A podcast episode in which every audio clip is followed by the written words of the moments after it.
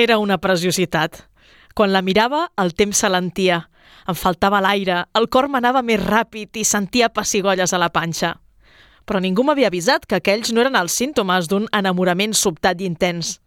No, eren les conseqüències d'una intoxicació pels gasos emesos per aquella raça alienígena de silueta estilitzada i moviments gràcils.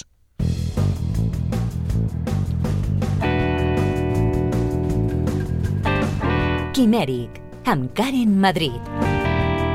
Benvinguts al Quimèric. No som gaire de celebrar Sant Valentí. De fet, som clarament de Sant Jordi, que no hi hagin confusions.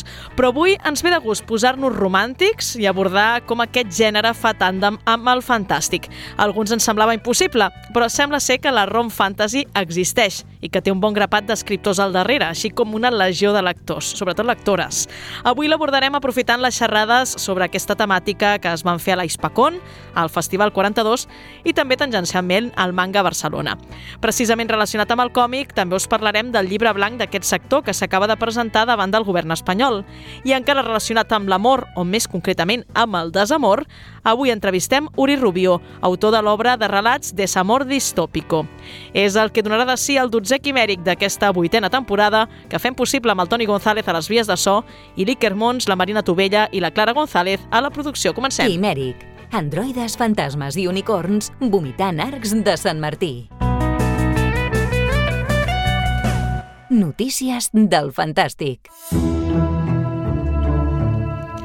I avui comencem el Quimèric parlant de còmic, perquè el sector ja té el seu propi llibre blanc. No sé si saps què és un llibre blanc. Sí, em, em sona, em sona una mica. És un document que fa un estat de situació del sector i, a més, també doncs, quan ja detecta les mancances, doncs eh, posa sobre la taula quines accions s'haurien d'emprendre per millorar-ho. Clar, entenem que llibres blancs s'han fet de, amb molts tipus de sectors, no només en el cultural, fins i tot. Evidentment. Doncs fa uns dies s'ha presentat aquest, eh, aquest llibre blanc del còmic, uh Mhm. -huh. davant del president del govern espanyol, el Pedro Sánchez, i un dels car- encarregats de fer-ho ha estat l'Oriol Estrada, que nosaltres el coneixem Està per l'organització del Saló del Còmic i del Manga, però és que també és vocal de la sectorial del còmic.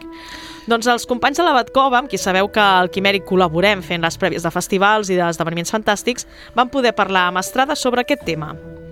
el primer que ens demanaven era precisament això, eh? que hi hagués un llibre blanc. Val? Això és una cosa que Que bàsic, no? no podem parlar amb vosaltres si no sabem què sou no? I, i què representeu. I llavors aquesta ha sigut la gran feina que ha fet la sectorial aquest temps, que ha sigut una feinada i que ha reunit totes aquestes, aquestes dades. S'han fet un munt d'enquestes a autors per saber quines són les seves condicions. No? El tema dels autors ha sigut una, una de, les, de les prioritats no? i fer aquest retrat una mica de, de com estan les coses. No? I es van començar a fer algunes cosetes, es va aconseguir, uh, per exemple, que la Direcció General del Libro passés a dir-se Direcció General del Libro, el còmic i la lectura, que es fes un dia del còmic, uh, que és el 17 de març, no? això tampoc eh, existia. i ara Aquest any serà el segon, eh, que sí? Serà el segon oficial. Hi va haver una mena d'assaig. O sigui, per nosaltres és com el tercer, realment, que va muntar la sectorial, però ara ja serà el segon que realment és, és oficial a nivell de, de tot l'Estat. I llavors es va aconseguir que, el, que precisament que el Pedro Sánchez anés a visitar una llibreria de còmics a, a Madrid, que allà es va reunir amb alguns autors i tot plegat, i allà ell es va comprometre a que si doncs, fèiem el llibre blanc, doncs, eh, que li anéssim a presentar allà a la Moncloa, i així ha sigut. El document, atenció, té 276 pàgines. Casina. Sí, és molt exhaustiu, com pots imaginar-te. I a part d'explicar com està el sector, doncs fa un recull de les necessitats i de les demandes que cal per satisfer-les. És un sector, sobretot en el, en el no, no només, però sobretot en el món de, de la- de l'autoria, que és molt precari. No? I llavors aquí és això, no? s'ha focalitzat molt en demanar ajudes que van des de lo més eh, específic, no? eh, qüestions com l'IRPF, no? que no existeix, eh, allò un, un epígraf d'autor de còmic, val? això no existeix. O sigui, a, a, a, o és autor de llibre o, o no... O, Sí, o il·lustrador, no, potser? I, i, i n'hi ha que s'acaben inscrivint com a coses de, més d'artesania, de no sé Mm. què, saps? Eh, No, no hi ha una cosa que realment li pugui encaixar l'autor de, de còmic, però llavors després això serien les coses més específiques, però també coses molt més macro i que són importantíssimes perquè la resta de coses també funcionen, que és fomentar la lectura. No? Mm. I que dins del, dels plans de foment de lectura s'introdueixi el còmic, perquè està molt marginat. Sí, en, sí. el, en el llibre blanc es parla molt de, de el, el còmic en el món de l'educació, en la universitat, en no sé què, etc etc. però és que falta molt, molt, molt introduir el còmic a les aules. El llibre blanc inclou moltíssimes xifres. Algunes dels que ens han cridat l'atenció serien les següents. Hi ha més de 1.000 artistes espanyols Vale. vinculats al còmic, més de 1.500 llocs de treball directes, més de 260 tècnics editorials de col·laboració especialitzada, més de 300 traductors, més de 25 associacions i fundacions especialitzades, 4 càtedres universitàries, Tu, més, ja- més de 200 llibreries especialitzades, flipa, és que són xifres molt importants, i més de 4 milions de lectors. Eh, Déu-n'hi-do, oi? Home, són xifres suficientment importants com perquè aquest llibre blanc eh, sigui transcendental. I tant. Uh, les pròximes setmanes parlarem bastant de còmic en aquest programa, perquè precisament hem anat al Museu del Còmic de Sant Cugat, i el programa següent us parlarem una mica de quines són les sensacions que hem tingut, què hi podeu trobar, etc etc. I també se vienen cosites, perquè el dia 21 de febrer hi ha la presentació del, del Còmic Barcelona, amb la qual cosa doncs, podrem... Que, que estàs intentant dir alguna cosa, Res, res, Karen? que escolteu els pròxims quimèrics, si voleu saber més coses del és possible còmic. que Karen Madrid Ribas hagi... Oh, no sé, no, No, sé. ja en parlarem, ja ho ja en parlarem, parlarem, ja però ho no deixem parlarem. de parlar de còmic. I concretament parlem de manga i de temàtica boy love, no? Perquè Ah, sempre ens ha arribat al Japó amb mangas encantadors com Given, però també tenim eh, els nostres particulars romansos de proximitat. Aquesta és la gràcia i la màgia que, que, que bueno, van fer a, al Saló del Manga, la 29a edició, que, um, a veure, a mi em fa un, un, un, un volc al cor perquè jo vaig fer la taula. em fa molta Clar, il·lusió, clar. vale? és la meva primera taula que faig en un esdeveniment així, i a més al Manga Barcelona, i eh, bueno, vam aprofitar per fer una aproximació a tots aquests romansos que es fan a Catalunya. I són, déu nhi uns quants. Com o no, autors com Josep Rodríguez, eh, la Gemma Ming eh, Minguillón i la Marina Golondrina van ser els, els convidats d'aquesta taula, moderada per un servidor, eh, que va omplir va omplir tot la sala en la que estàvem, la, sanga, la sala Manga Academy, que és, déu nhi bastant gran.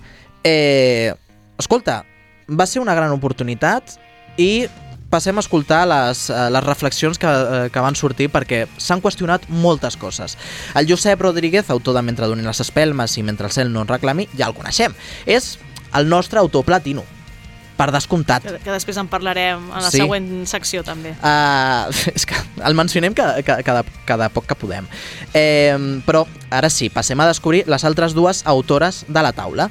Gemma Minguillón és escriptora de novel·la negra i històrica, però també de romans. La coneixem millor pel seu BL, L'estimaré fins que em mori, una història d'amor que comença amb un cop d'efecte. Faré una història dos nois, jo no tenia ni idea que era el BL, jo em vaig assabentar després de tot això, val? inclús del japonès, o sigui, jo vaig veure després el famós Junjo Romàntica després, perquè la meva filla em va dir, has escrit això? Mira't això. T'hauries de... això. Vaig descobrir el BL arrel d'haver escrit aquest llibre. Llavors em passava, no sé per què, instintivament també vaig pensar, mm, n'hi ha moltes històries d'amor, entre homes i dones, fantàstiques, que, es- que si es coneixen, que si tal, que si qual, eh, però mm, les històries que són entre dues persones del mateix sexe doncs no tenen gaire recorregut, com ha dit ell, i vaig decidir fer una història d'amor on lo important no fos el gènere de les persones que la protagonitzaven, sinó la història en si. Ah, Llavors, per què vaig escollir que comencés per un accident? Bé, vaig voler fer una, una estructura circular que comencés pel final i acabés pel final on després eh, hi hagués una resolució de, de, tot el, de tot el conflicte.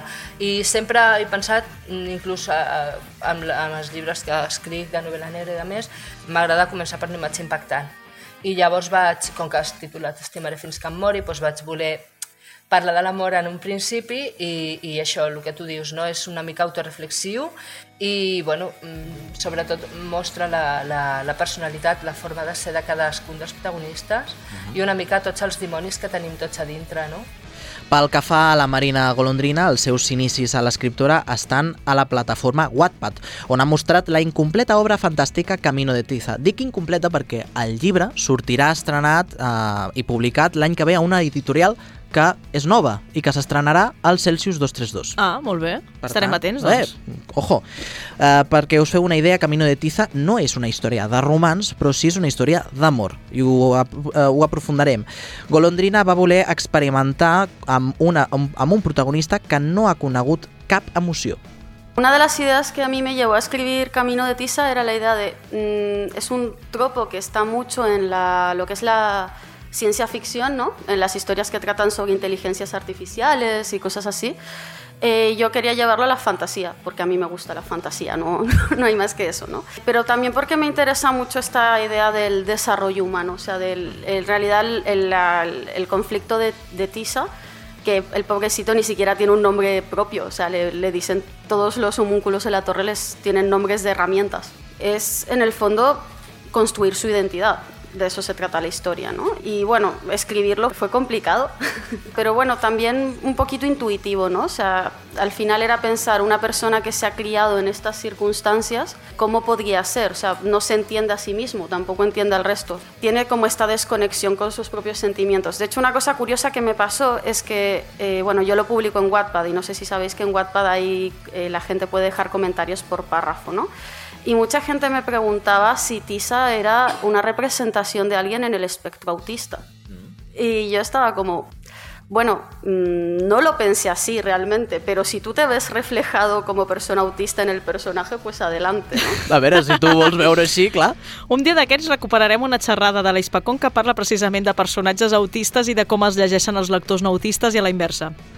Mira, doncs hem aprofitat per fer, Sí, eh, hem per dit- fer spam hem del, posat la pro- dels punteta, propers sí. programes, no? Això, això està bé. A la seva història, eh, Tiza descobreix que existeixen diferents tipus d'afecte. Eh, és un procés, és un, un romans a foc lent. Lo que pasa es que es muy eh, a fuego lento, porque el personaje antes de poder enamorarse y antes de poder saber que está enamorado, que son dos cosas distintas, eh, es, eh, es un proceso lento, ¿no? porque es, es precisamente un proceso de, de autorreflexión y de entendimiento. Y sí, la, en realidad el tropo de Camino de Tisa, más que el romance como tal, aunque el romance es una parte importante de ello, es la familia encontrada, porque hay otros personajes ahí también que están, que están cumpliendo otros papeles. Y una de las cosas muy importantes que le pasa a Tisa es no solamente descubrir lo que es querer a alguien y ser querido, sino también que existen distintos tipos de afecto y que lo que siente por Hanu, que es el, el juzgando, es distinto que lo que siente por otros personajes que están ahí, como Calíope o los dos amigos que hace ¿no? en, la, en la torre. Durant la xerrada es van explorar diferents maneres d'entendre l'amor i un punt important era qüestionar les dinàmiques de poder.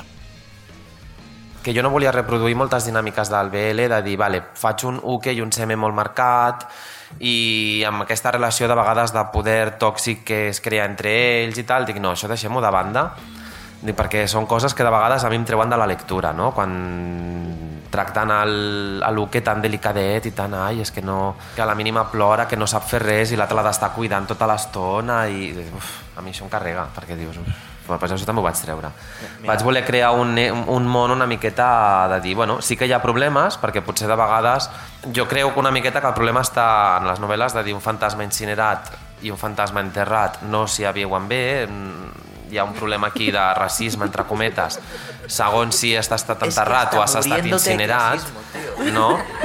I, i, i aquí és on es veu potser sí que la discriminació a les meves novel·les, però bueno, jo plantejo per un tema ja més de fantasia que no, que no del que trobem aquí. Diuen, tu pots ser un fantasma negre i gay i, i comunista i tal, ens és igual, però que no siguis incinerat.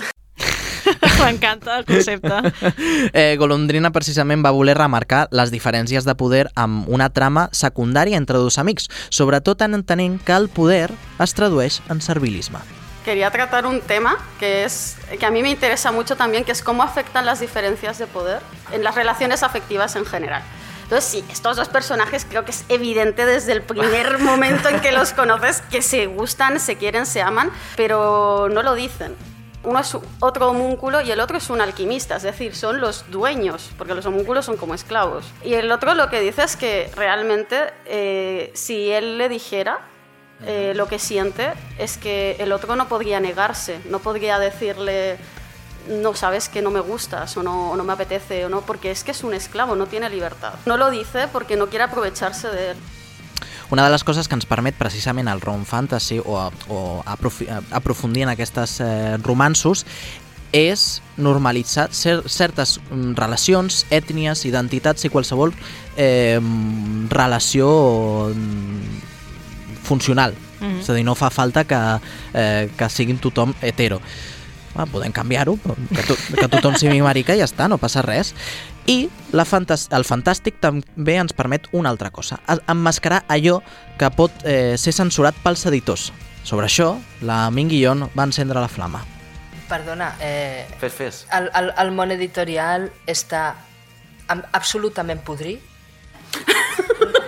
Publico, en, publico en Planeta. Vale? Hi ha editors Està- a la sala? sí que hi ha? Vale, espero que sigueu independents.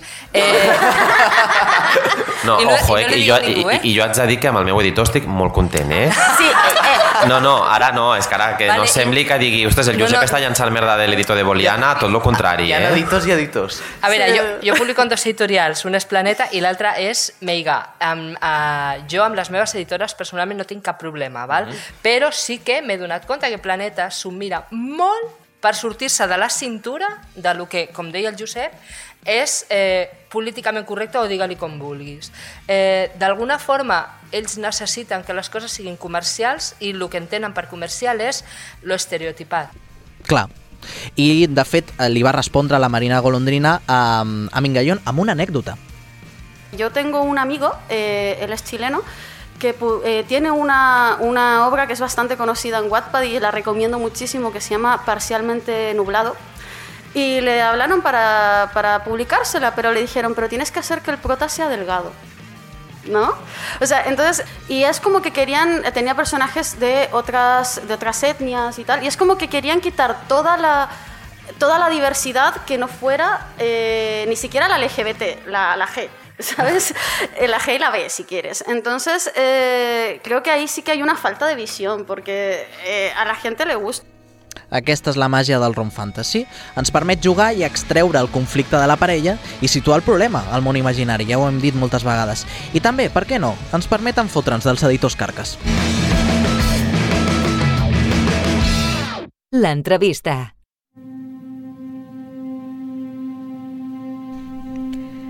L'amor i el desamor es poden tractar de moltes maneres en la literatura, també en el gènere fantàstic. El sabadellenc Uri Rubio ha triat abordar-lo a través de 13 relats ambientats en un context distòpic.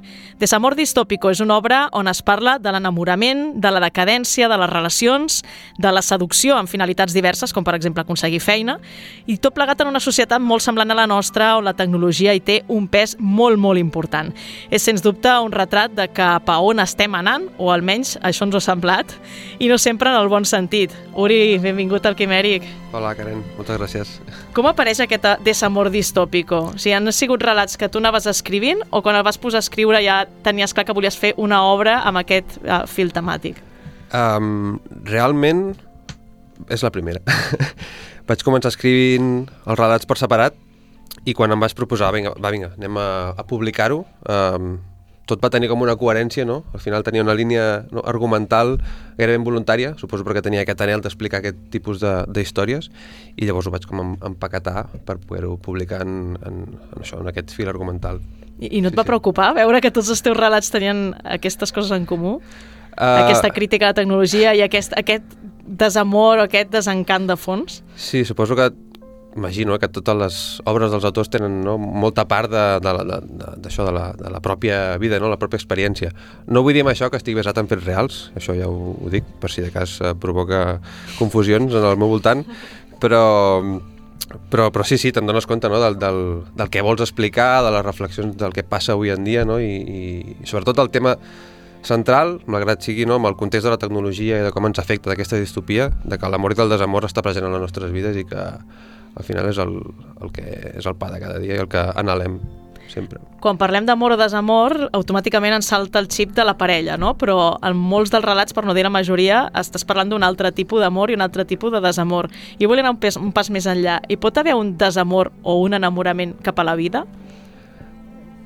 Totalment, totalment. i pot ser preocupant, no?, si, si, si hi ha aquest uh, desamor cap a la vida. Um, malgrat el títol pugui semblar com bastant pessimista uh, del llibre, no? aquesta distopia que anem cap, cap, a, cap a algú pitjor, no? no cap a algú idealitzat, sinó cap a algú més, més decadent, com deies. Uh, jo penso que ho intento plasmar com si fos un toc d'atenció, no? És a dir, intentar dir, eh, potser no anem pel bon camí no? amb aquesta distopia o amb aquest desamor i, i fer-nos adonar compte de que les coses poden anar cap a millor, precisament per intentar enamorar-nos no? i fer-nos donar compte que potser a vegades prenem decisions equivocades i per les raons equivocades. Després entrarem, mirarem relat per relat, no sé si donarà temps a fer-los tots, però una mica de veure cap a on anaves amb cada cosa, però sí que parlaves de referents no? en, en la sinopsi del teu llibre, no? I, i posaves Ted Chiang, Black Mirror, Isaac Asimov. Són els teus referents com a escriptor o és més per la temàtica que abordes en el llibre? Jo crec que és, són bastants referents, però especialment per, per la temàtica que, que, que he triat en aquests relats, no? perquè a mi m'agrada escriure de altres, altres coses, um, però crec que tenen una petjada molt forta que no puc negar, evidentment a mi m'agrada explicar, no? són els meus referents i són molt evidents, com el pes que pugui tenir Black Mirror, que potser és el referent més eh, comercial o més, no més eh, present no? avui en dia um, en el visual, um, però també tinc aquest referent dels, dels clàssics no? com Isaac Asimov, que era una persona molt visionària i que tenia aquesta, aquesta capacitat d'ubicar-se no? en, el, en el futur i, i, i veure com ens podríem comportar quan les coses um, canviaven, com ens afectava la, la tecnologia, no?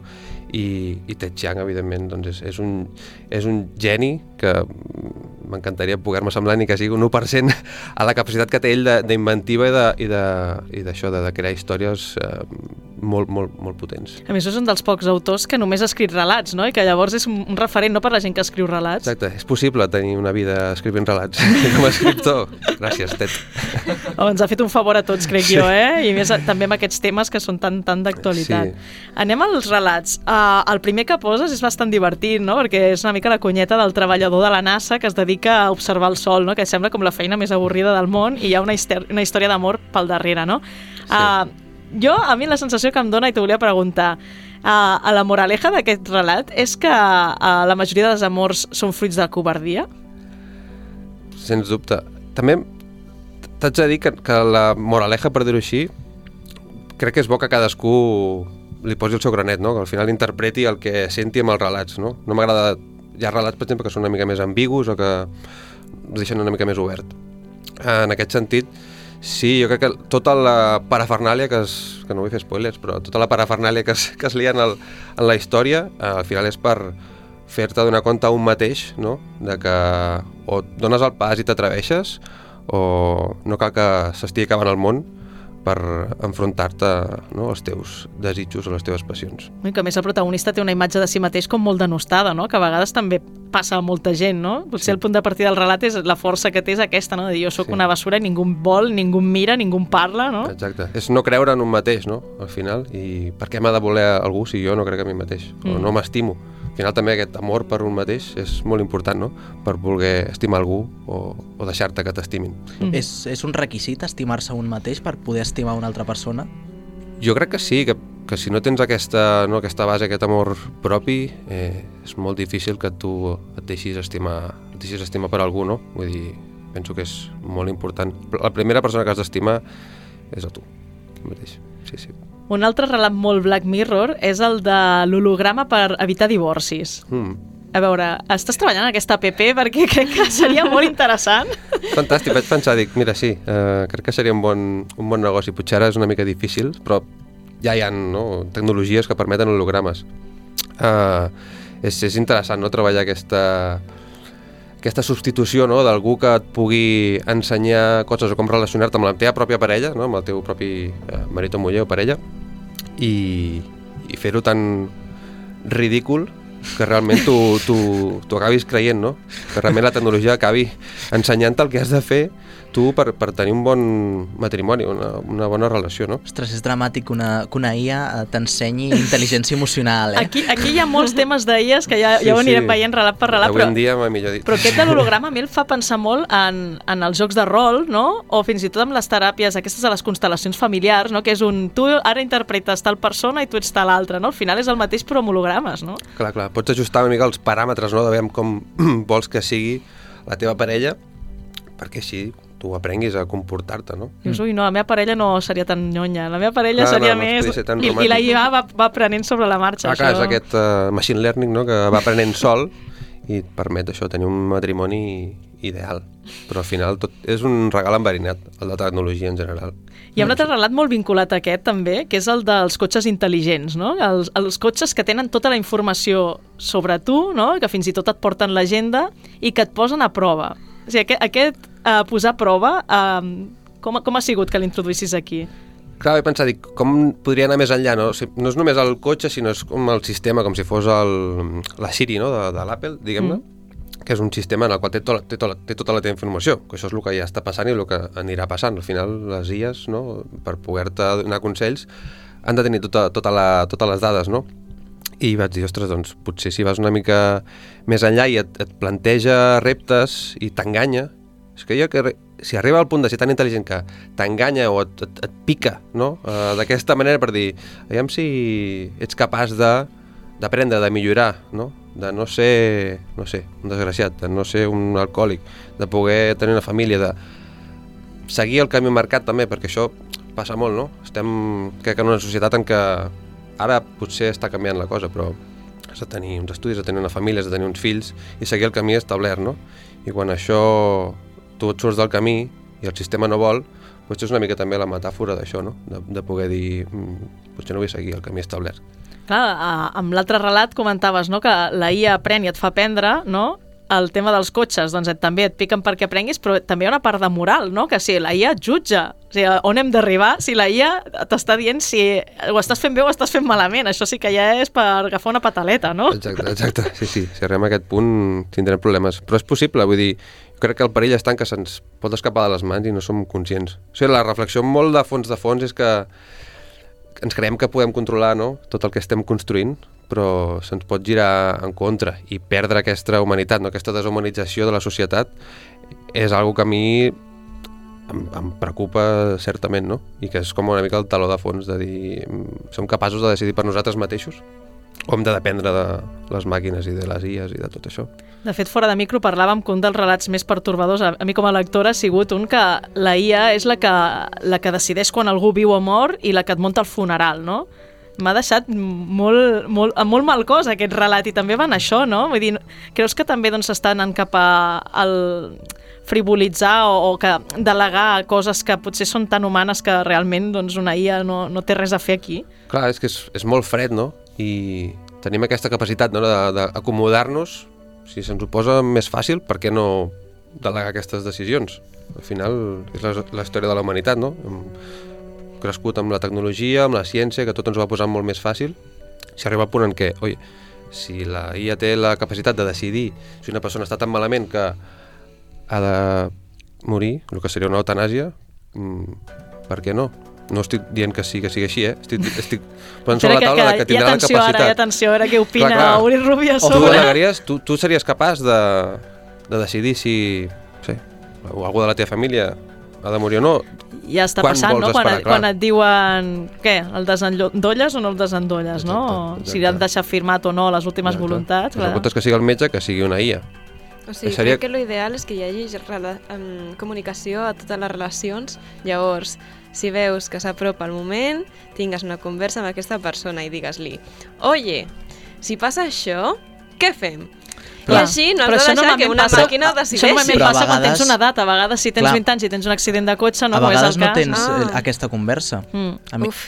imagina't que eh, et diagnostiquen alguna malaltia i a, a les setmanes bup, desapareixes o has tingut un, cap, un, un accident de cotxe, Mm. qualsevol cosa.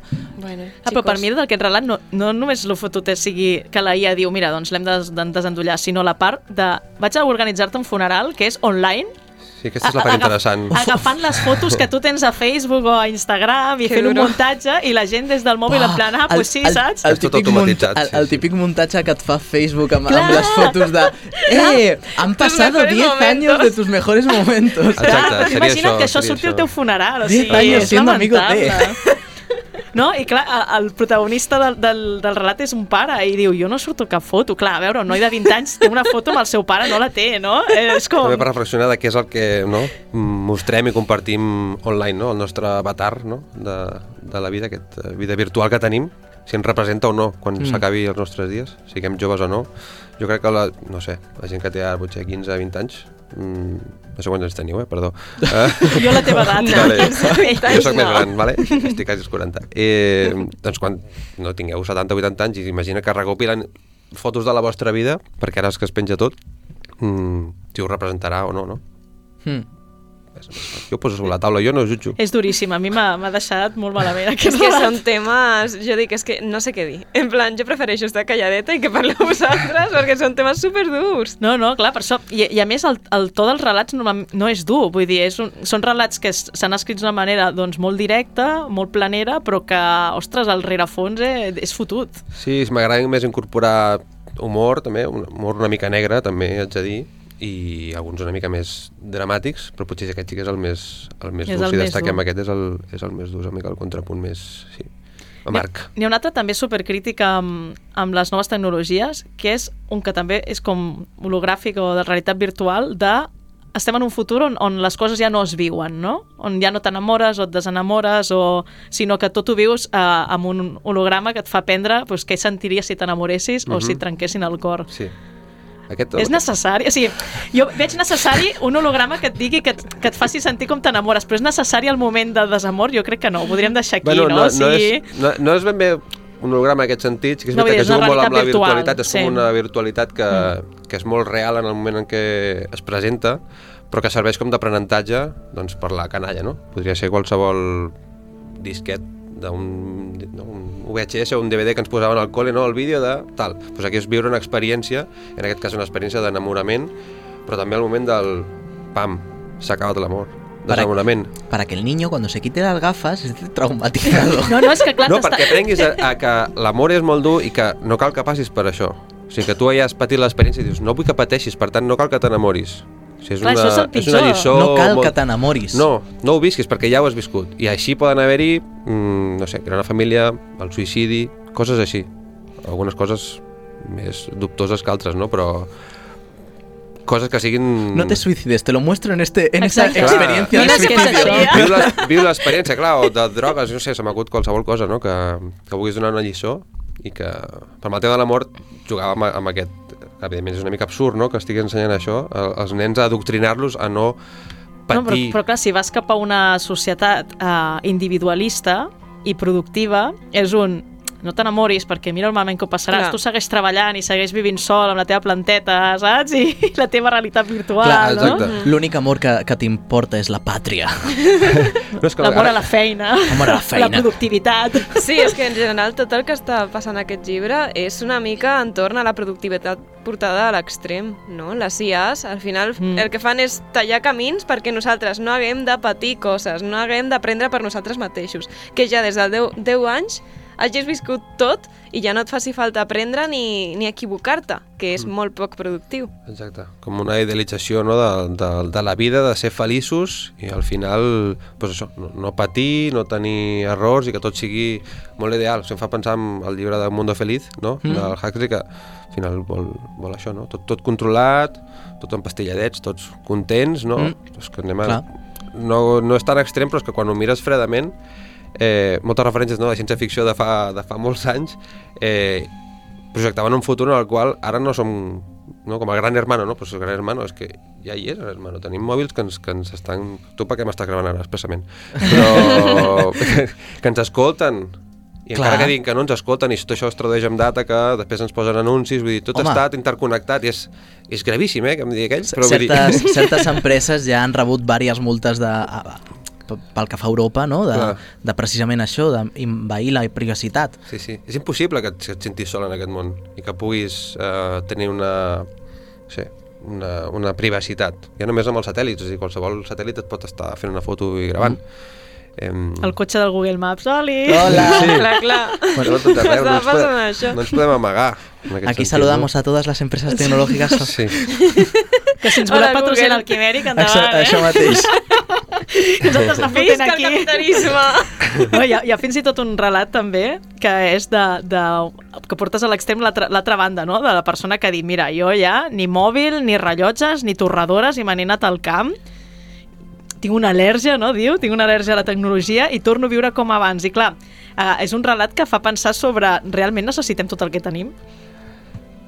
No, és, és una mica mm, una exageració, no? Molt ridícula de, de dir, ostres, que em poden agafar tots els mals amb, amb qualsevol maquineta, mòbil, tecnologia, no? Perquè per veure aquesta, no? aquesta dependència que tenim de tot el, de tot el que ens envolta i de que ja no som capaços de prescindir d'elles, no? És una mica l'evolu- l'evolució de la societat i és, en part és normal, no? però sí que intenta ser una representació bastant teatral perquè és tot Sí, és molt diàleg, teatral. Re sí. Realment es podria adaptar, eh, a Sí, l'escenari. seria com una... Sí, he provat com molts diferents estils no, de, de relat per experimentar. I aquest és molt teatral i sí que és veritat que doncs, és bastant ridícul i, i còmic, no? Aquest és veritat que és molt... Bueno, format divertit, És divertit, humor, sí. és divertit, però la crítica ja l'has fotut. Ja. Sempre, sempre, sempre hi és, caure. sempre hi és. No deixo... Te tiré con, con cabeza, que diuen. I ja per tancar, un altre relat que a mi m'ha semblat molt Ted Chiang eh, és el del cíborg, no? El d'una societat que es anem eh, canviant coses del nostre cos no? per anar cap al transhumanisme i en quin punt deixem de ser humans, no? que és la pregunta que et fas. En quin punt deixem de ser humans? Això et preocupa també com a, com a societat, el fet de dir fins a on podem canviar, incorporar, eh, mantenir la nostra identitat i les nostres, els nostres valors, diguéssim.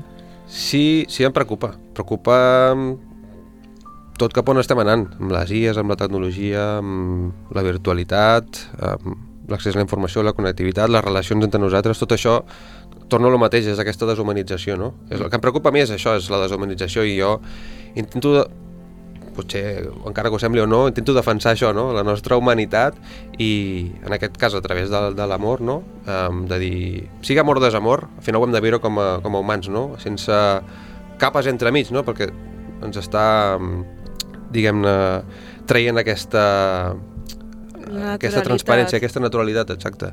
I, I sí que en un futur ho veig llunyà, perquè a més hi ha molts problemes d'integració de xips dintre l'organisme i a més perquè pro- provoca un rebuig, menys mal. Eh, Que horror, eh, de però ja som cíborgs, ja, les ulleres mateix és un dispositiu ¡Ah! Verás que tiras tira al suelo. Som cíborgs. Pagamos para ver. Sí. Pagamos Exacte. para ver. El mòbil també, el mòbil de també ho manera és. natural estic, estar, estaríem morts ara mateix. Clar. Bueno, Bueno, jo ni te cuento que porto lent intraocular, o sigui, Exacte. soc una mica Ella piva, ella no se li veu. Porta certs implants, ja, no, Ah. ja portem implants a dintre algú per alguna operació no, mèdica, Som el mòbil és una extensió de nosaltres mateixos, és una espècie de... Un apèndix, bàsicament. Sí, però està fora, però és que en veritat ja, ja ho som. És el que et deia, no som conscients de, de, del que projectàvem fa molts anys, o projectava la gent visionària, com Asimov, etc que ja ens hem convertit el que, amb el que no som conscients del que ens hem convertit. Lo que juramos destruir. Sí. Volia acabar amb, aquesta, amb aquest relat, però saps què? Que per donar-li una mica més de- d'acabar amb més bon rotllo, el de risa, va, el relat de risa, una app que et faci riure. A veure, uh, d'on surt això? Perquè, clar, que hi ha gent que té problemes per riure, que, que ens estem, que portem la, la cuirassa feta que, o, que no, o que alguns no hem trobat el nostre humor. Sí, en el fons en aquí la, aquesta noia que crea aquesta app per riure eh, on, va, on va parar és que no, no, no, no ha trobat diguem-ne aquesta El feeling, no? Amb sí, algú? el feeling amb algú no? i és trist no? perquè tot és molt superficial avui en dia no? aquestes apps de cites Sí. i de més que jo no les he provat però eh, entenc Diuen que existeixen, no? diuen que existeixen no?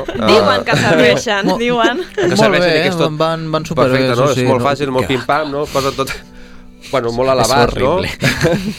Però que ho posen aparentment tot molt, El molt Toni fàcil. riu. I tot molt superficial. Toni diu que sí. Um, El Toni El, és el, Toni usuari. crec, el, el Toni crec que, que l'has aprovat. les ha aprovat 50-50. i les ha aprovat, també. sembla. I, I en aquest sentit és trist també, no? Uh, de, de que perdem aquest, uh, no, aquest feeling, aquesta connexió que no sigui tan de transacció i que vagi una mica més al fons, de trobar-nos com a persones amb aquests valors i, i de fer-nos riure és una mica l'excusa per dir realment estic connectant amb aquella persona, no?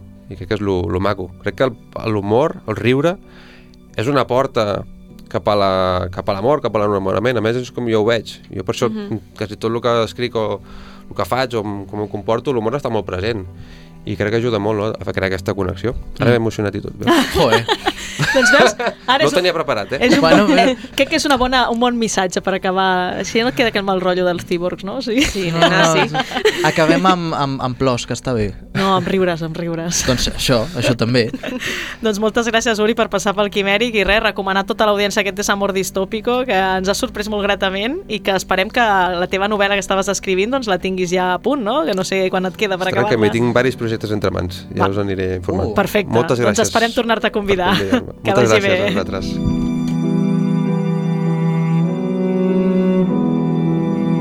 Vols aprendre a dissecar ta mare? Doncs escolta, Quimèric.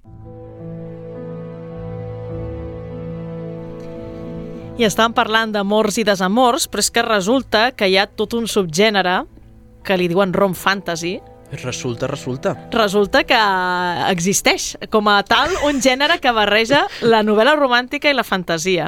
Dic resulta perquè a l'Hispacon eh, tothom ens vam quedar igual, no? Veiem en el programa que deia rom fantasy i era com, algú sap què és la rom fantasy? I no, no ten... o sigui, fins que no vam ser allà i vam fer ah, o sigui, tota la gent que, que estava allà a punt d'entrar a la xerrada era com anem a veure què és la rom fantasy perquè no en tenim ni idea llavors hem delegat en la Marina que és l'experta Sí. de novel·la romàntica i fantàstica dic, És oficialment jo estava aquella la, xerrada la i major pensava, lectora jo de pensava, romàntica. la Marina per què no està aquí avui, saps? I... És que és molt fort perquè jo a la Karen fa un any li vaig dir que havia llegit un llibre de romàntica i des de llavors, per ella, sóc la seva referent a És- llibres de Per- No, no, romàntica. ets, ets la referent de, de romàntica en aquest programa, perdona. És molt fort, eh? Els oients que sàpiguen que la Marina seguia la meva germana, autora de novel·la romàntica i lectora de novel·la romàntica, sense saber que, érem, que era la meva germana. Vull dir que, perquè imagineu si...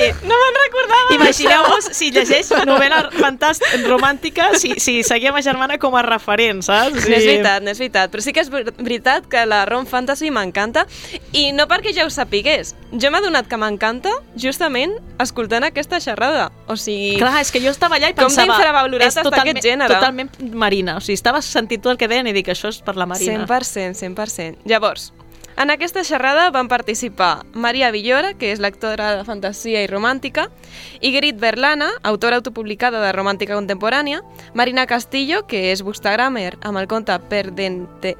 Espera. Per d'entre libros. No sé com va sortir aquest nom. Crec que és com perderte entre libros, però no li va capiguer. Bueno. I després, eh, Cristina Pujadas, autora de Rom Fantasy. Per les persones que no estigueu gaire vinculades amb aquesta temàtica, començarem per explicar el més bàsic, què és el rom, fan rom fantasy, que bueno, jo no ho sabia i vosaltres sembla que tampoc. es tracta d'un gènere literari que combina la literatura fantàstica amb la literatura romàntica, romàntica que és rom, romàntica, fantasy. De res. De la traducció, I tota la sala de fent, la traducció en "Ah!" anglès, home, clar. Llavors, vosaltres heu llegit alguna vegada alguna història d'aquesta mena? Jo juraria que no, però... Jo sí. A veure, si, si acabes buscant... A veure, sí, hem llegit Rom Fantasy. La història del Josep és Rom Fantasy. Bueno... Doncs sí, pot ser. Home, la, la gràcia del Rom Fantasy és agafar um, un, una història d'amor i que el context sigui fantàstic. La Karen està que, fent cares. Per tant, Estic que el posant els conflicte... ulls en blanc, concretament. No, el conflicte s'extreu de la relació i es pot eh, jugar amb, una, amb, amb un, un romans no tòxic. Vale, sí, vale, sí, aceptamos barco. No, saps què passa? Que jo ja el poso en boy love si si creem aquesta categoria eh, de treure-ho del, man del manga i el posem a la literatura, però acceptem que si no hi ha boy love és rom fantasy. Però vamos, que, que només seria un llibre que he llegit de rom fantasy, no fa lectora de rom fantasy, això. Això és veritat. No. Vale? Bueno, Això, acceptem? llavors, Sí. si us sembla, escoltem uh, com descriu Cristina Pujada, Pujades què és aquest nou gènere literari. Yo creo que el, primer problema que tenemos es que no existe una definición de qué es el rom fantasy, ¿no? Porque son historias que muchas veces tienen partes que forman eh, de otros géneros. Tú puedes tener una historia con un mundo épico, una historia con un mundo de ciencia ficción brutal, pero sí que hay un eje de una historia romántica que es muy potente. Entonces no es solo ese, ese mundo que se ha de descubrir, sino es una historia de unos protagonistas que va a tener un peso muy importante eh, lo que es el eje eh, e- emocional de las aventuras y desventuras a nivel eh, amoroso. Entonces allí en algunos sitios lo pueden considerar romántica, en algunos lo consideran fantasía, pero no es ni un género de romántica ni es un género de fantasía. Yo creo que a día de hoy es un género propio. Després, per Ygritte Berlana, la rom fantasy és un mix entre ambdós gèneres. Entonces, cada persona opina distinto. Hay gente que te dice, no, es que es un subgénero de la fantasía, porque claro, tiene fantasía. Claro, pero también tiene romance. Para mí es, es un género en sí mismo porque en realidad tiene que ser de fantasía, porque si no, si no pues, pues el rom fantasy pues, no existe.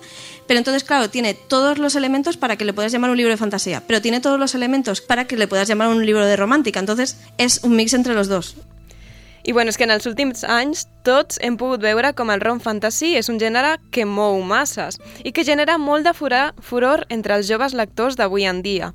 En trobem exemples, sobretot en Crepuscle, que Sí, crec que és un molt sí bon que el exemple el coneixeu. Crepuscle com a rom fantasy. Mm, que Sí. jo no he llegit, per cert. Bueno, ja no que fa- m'estàs mirant amb cara de... No, no, no. Veus com l'has llegit? No, No, no, falta, no, eh? no, no. Avui en dia Ni- jo ni- no... Jo no l'he vista, eh?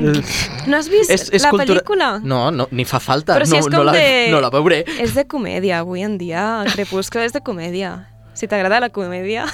No sé què dir-te. bueno, no, també però, però eh, Crepuscle no és l'únic referent no, de rom fantasy que tenim. trobem també Memòries d'Idun, de Laura Gallego. Aquesta us l'heu llegit o tampoc? Tampoc. Tampoc. Mare meva, que són Jo molt m'he famoses. jo m'he llegit una altra obra de, de Gallego. Vale. I A digues... Guardians, a Guardians de la Ciutadella. Bueno, i per últim, un exemple seria Una corta de roses i espines de Sarah J. Maas, que tampoc la coneixereu, però és molt famosa. Però és molt bon exemple, sí. Bueno, i és que Ygritte defensa que la gran popularitat que està agafant avui en dia el gènere no és una novetat, sinó el resultat de que les lectores reconeguin amb orgull que els agrada llegir romàntica i fantàstica. Hay libros que han marcado un antes y un después. Y Harry Potter ha sido uno de esos libros, Crepúsculo ha sido uno de esos libros, y mal que me pese, Las sombras de Grey ha sido uno de esos libros. Entonces, que se empiece a hablar, que se empiece a decir, aunque esos libros no sean el mejor ejemplo en el mundo, sí que es cierto que cuando se hace publicidad, cuando se empieza a hablar, aunque sea de algo con lo que no estás de acuerdo, va creando un camino. Y va creando un camino de algo que estaba escondido. ¿Quién de aquí no se ha sentido mal y le han llamado friki por leer fantasía? A todas las que leemos romántica nos ha pasado por leer romántica. Entonces yo creo que al final es como, igual que hay una lucha de yo quiero leer fantasía y encima eres mujer y lees fantasía, es que es el mal sobre el mal. Y si encima eres mujer, lees fantasía y lees romance, eres el mal sobre el mal sobre el mal. Entonces en el momento en que dejas de esconderte porque quieres leer fantasía y quieres leer romance y lo quieres leer junto, creo que se crea este auge que en verdad no es un auge como tal, sino reconocer lo que he hecho siempre, pero lo digo. Bueno, i és que de vegades sembla que les dones no podem fer res, no us sembla? O sigui que si llegim romàntica, som unes monyes. Després, si llegim fantasia, som unes friquis. És que ens tenen com atrapades. Llegim Grindr, que som unes psicòpates. és, és veritat que el, el mote de, de la Marina quan eh, ens va dir bueno, he llegit aquell llibre de romàntica ah, que mona, que xita, Ai, que puxi, és que em fan bullying en aquest programa. és el No que sé, hi ha. em parles. No, és broma, és broma. Tot és des del carinyo. Després la Karen és la boja i no passa res, tothom amb el Està seu assumit, mote. jo he sortit de l'armari, eh, ja tothom sap lo boja que estic, no passa res. De, És mundialment de, conegut. De, de quin armari? De l'armari de la bogeria. De l'armari del psicòpata. Exacte. I bueno, tot i així, cada vegada és més evident que aquest gènere té un gran valor. I així ho demostren les diverses produccions audiovisuals que han sortit basades en llibres top ventes. Mm. Estic parlant de la saga Crepuscle un altre cop, però també de Sombra y Hueso, de Lei Bardugo, o la meva preferida, Outlander, de Diana Gabaldón. Yo creo que esto ya está yendo más allá. Es decir, el rom fantasy ha empezado como un género literario que todavía no tiene el reconocimiento en muchos aspectos, tanto a nivel social como a nivel propiamente pues de editoriales o de librerías, ¿no? Pero es que ha ido más allá. Es decir, se ha visto que es un género que gusta mucho a los lectores, pero hay gente que no es lectora. ¿Y cuántas películas, cuántas series se están haciendo basado en historias de rom fantasy? Y hay un montón y cada vez hay más. Y ese, esa necesidad ha empezado con los lectores, pero ahora está traspasando más allá y el rom fantasy está yendo a nivel audiovisual y está rompiendo también barreras para otro tipo de, de consumidor. Tanmateix, les autores creuen que falta unió entre les lectores per acabar de proclamar el rom fantasy com a gènere, i no com a una classificació de segona. Segons Cristina Pujades, hi ha una gran quantitat de lectors que troben dificultats per trobar llibres del gènere. Es que es, es un, es un gran problema que tenemos los que, los que somos fanáticos del rom fantasy, bien sea más tipo urbano o más tipo épico, ¿no? Pero sí que es verdad que es muy difícil llegar a nuestro público, porque hay muchos lectores de fantasía y muchos lectores de romántica, y yo he ido a convenciones de, de congresos de romántica y vas allí, vas a tu mesa de rom fantasy y, y boom, ¿no? Se, se desbanca. Es como, ¿por qué? Pues porque muchos lectores de romántica no quieren fantasía, o sea, quieren romántica, o con drama o con comedia, ¿no? Pero romántica con fantasía, eh, no y vas a convenciones de fantasía, de ciencia ficción, de terror y tampoco tienes tu sitio. Y los lectores están, porque realmente eh, es un tipo de género que está creciendo muchísimo, que es un poco el, haz que decíamos, ¿no? que es un género que cada vez tiene más repercusión, que hay eh, grandes autoras, que hay cine, que se está haciendo un gran movimiento y en cambio seguimos siendo un género que no sabemos cómo llegar o cómo contactar con nuestros lectores porque no existen específicamente formas de juntarnos. És evident també que tot i que a Espanya hi ha poca unió entre escriptores i lectores per donar lloc al gènere, a l'estranger no en trobem tant amb aquest problema.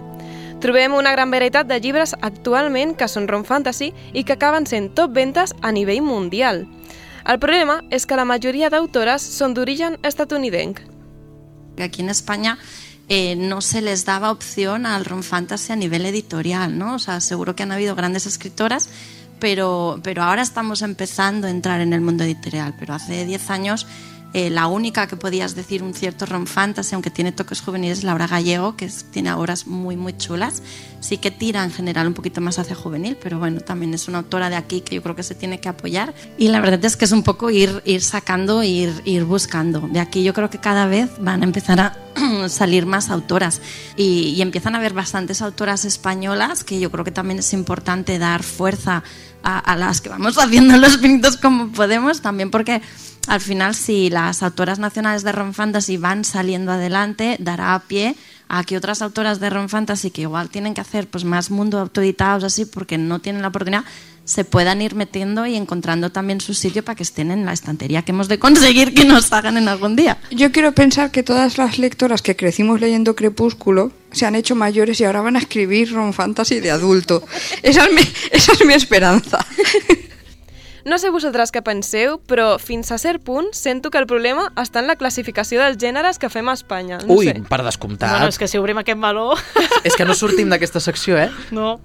I és que, no sé, jo penso que no és un problema que sigui només a la Rom Fantasy, que ens el trobem en tot, que és com, surt un llibre nou i directament se l'ha de classificar en una categoria. No, per exemple- Tot i que no tingui sentit, se l'ha de classificar. Hi ha llibres, per exemple, de Marc Pastor que barregen la ciència-ficció amb la novel·la negra, eh, vull dir que al final, o la fantasia, i Sí. dius, eh, és igual, o sigui, qui, per què has de posar-li l'etiqueta d'una cosa o l'altra? O sigui, que entenc que sigui més fàcil trobar-ho a les llibreries, però si al final el que ocasiona és això, doncs que un, un grup de lectores no trobin els llibres que els hi agraden perquè estan en juvenil de sobte o de sobte adult o, o ara fantàstica i O de dius, és que no, no hi sé. són. O de sobte no hi són, exacte. Mm. Però és veritat que justament Rom Fantasy, el Romantasy, està mm, ubicat al juvenil o al Sí. young adult, no? Que Sí, la, sí, sí. Aquesta nova etiqueta. Que, que això és més una demografia, no, no un, no un Ja. gènere. Mm. És un públic objectiu. Exacte. Sí, sí. En aquest cas seria doncs, una fantasia o un romans, o les dues alhora. O parar ja d'etiquetar, de veritat, i buscar per autors o per editorials i ja està, em sembla molt més senzill.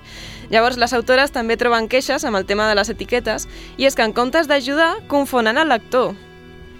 Porque le estamos dando a niños de 11 años libros sobre un niño que en su casa le hacen bullying porque vive en un armario y hay un psicópata que le persigue durante toda su vida. Pero lo llamamos Harry Potter y está guay. Está todo en juvenil porque no tiene un sitio en el que estar.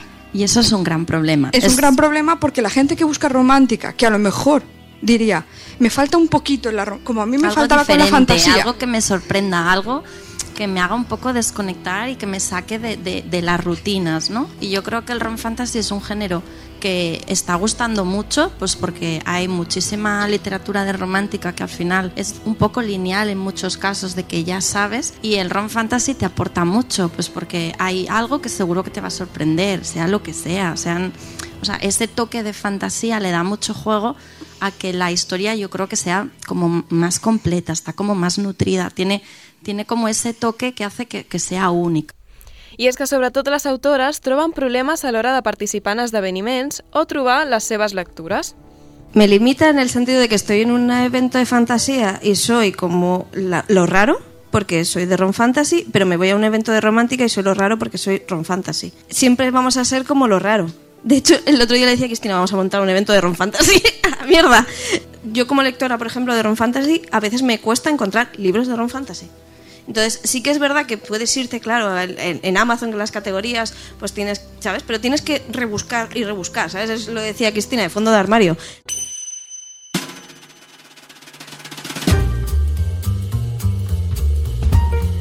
I l'Hispacón no és l'únic festival que s'ha fet ressò d'aquest subgènere o d'aquest gènere del rom fantasy, però a vegades també li donen altres denominacions, com el que deia l'Iker de romantasy. El romantasy, sí. Mira, em, costa molt dir El- aquesta paraula, ho el sento. Festival 42, no? Que el, va triar el Festival una 42 de les xerrades, no? eh, va, va, va decidir que era un bon moment per, per, per obrir aquest meló. I va ser de la mà de, moderada per la divulgadora Misha, eh, amb els escriptors Sònia Bosch, eh, Sofia Rey i el nostre autor platino, Josep Rodríguez.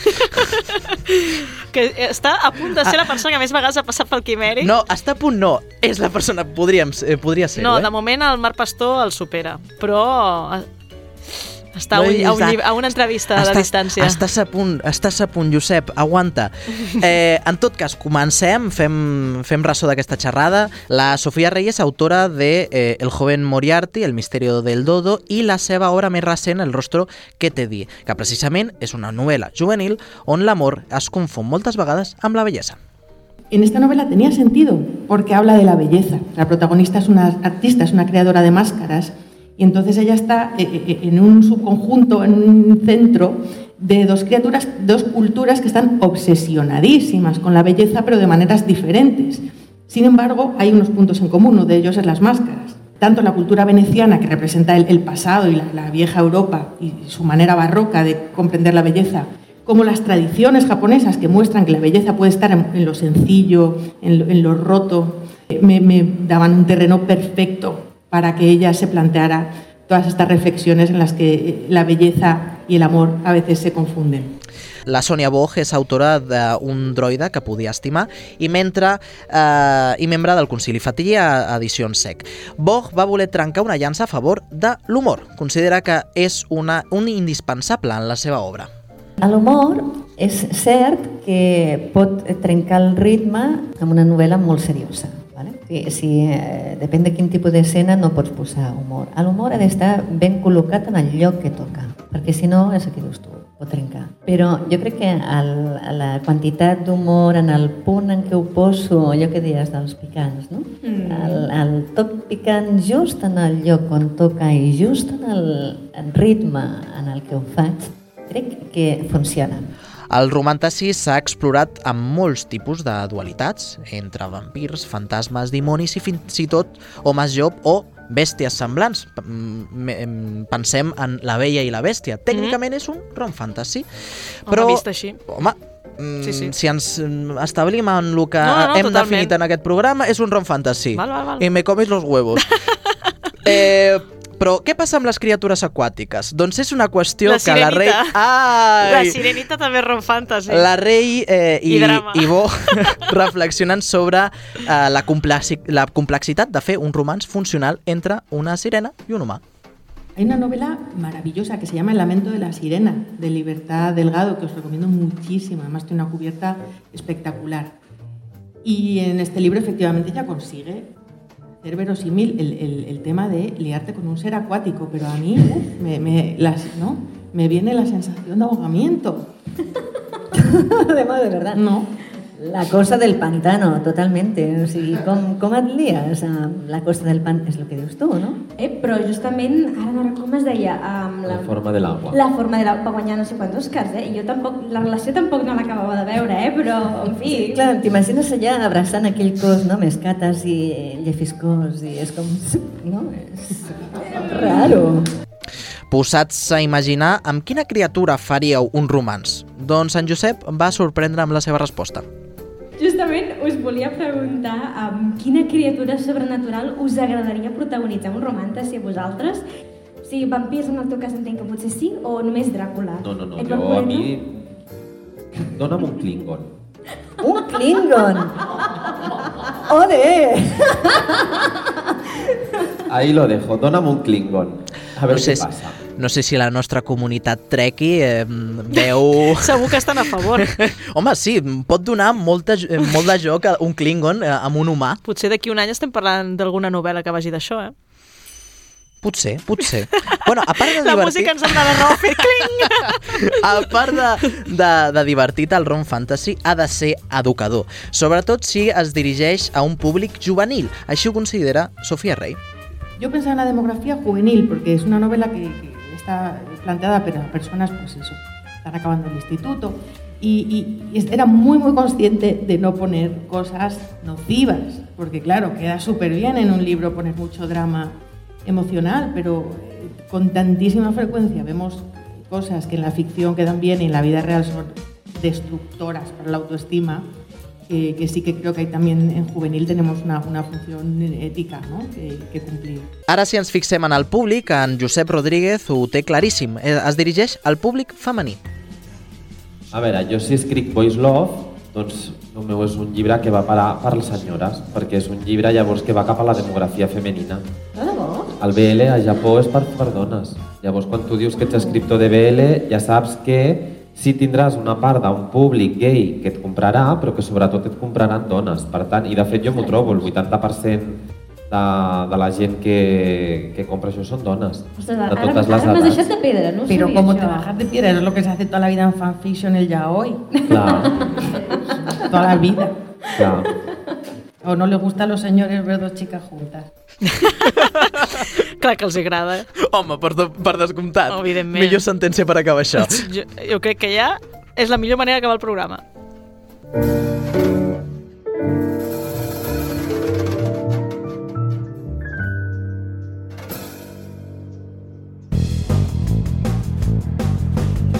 Fins aquí la nostra voluntat de posar-nos romàntics. Tornem d'aquí 15 dies amb una crònica de la 60a Tercat organitzada per la Societat Catalana de Ciència Ficció i Fantasia a Banyoles i amb una entrevista amb l'autor del llibre de relats Unes ganes salvatges de cridar, Marc Vintró. No us ho perdeu! Quimèric, amb Karen Madrid.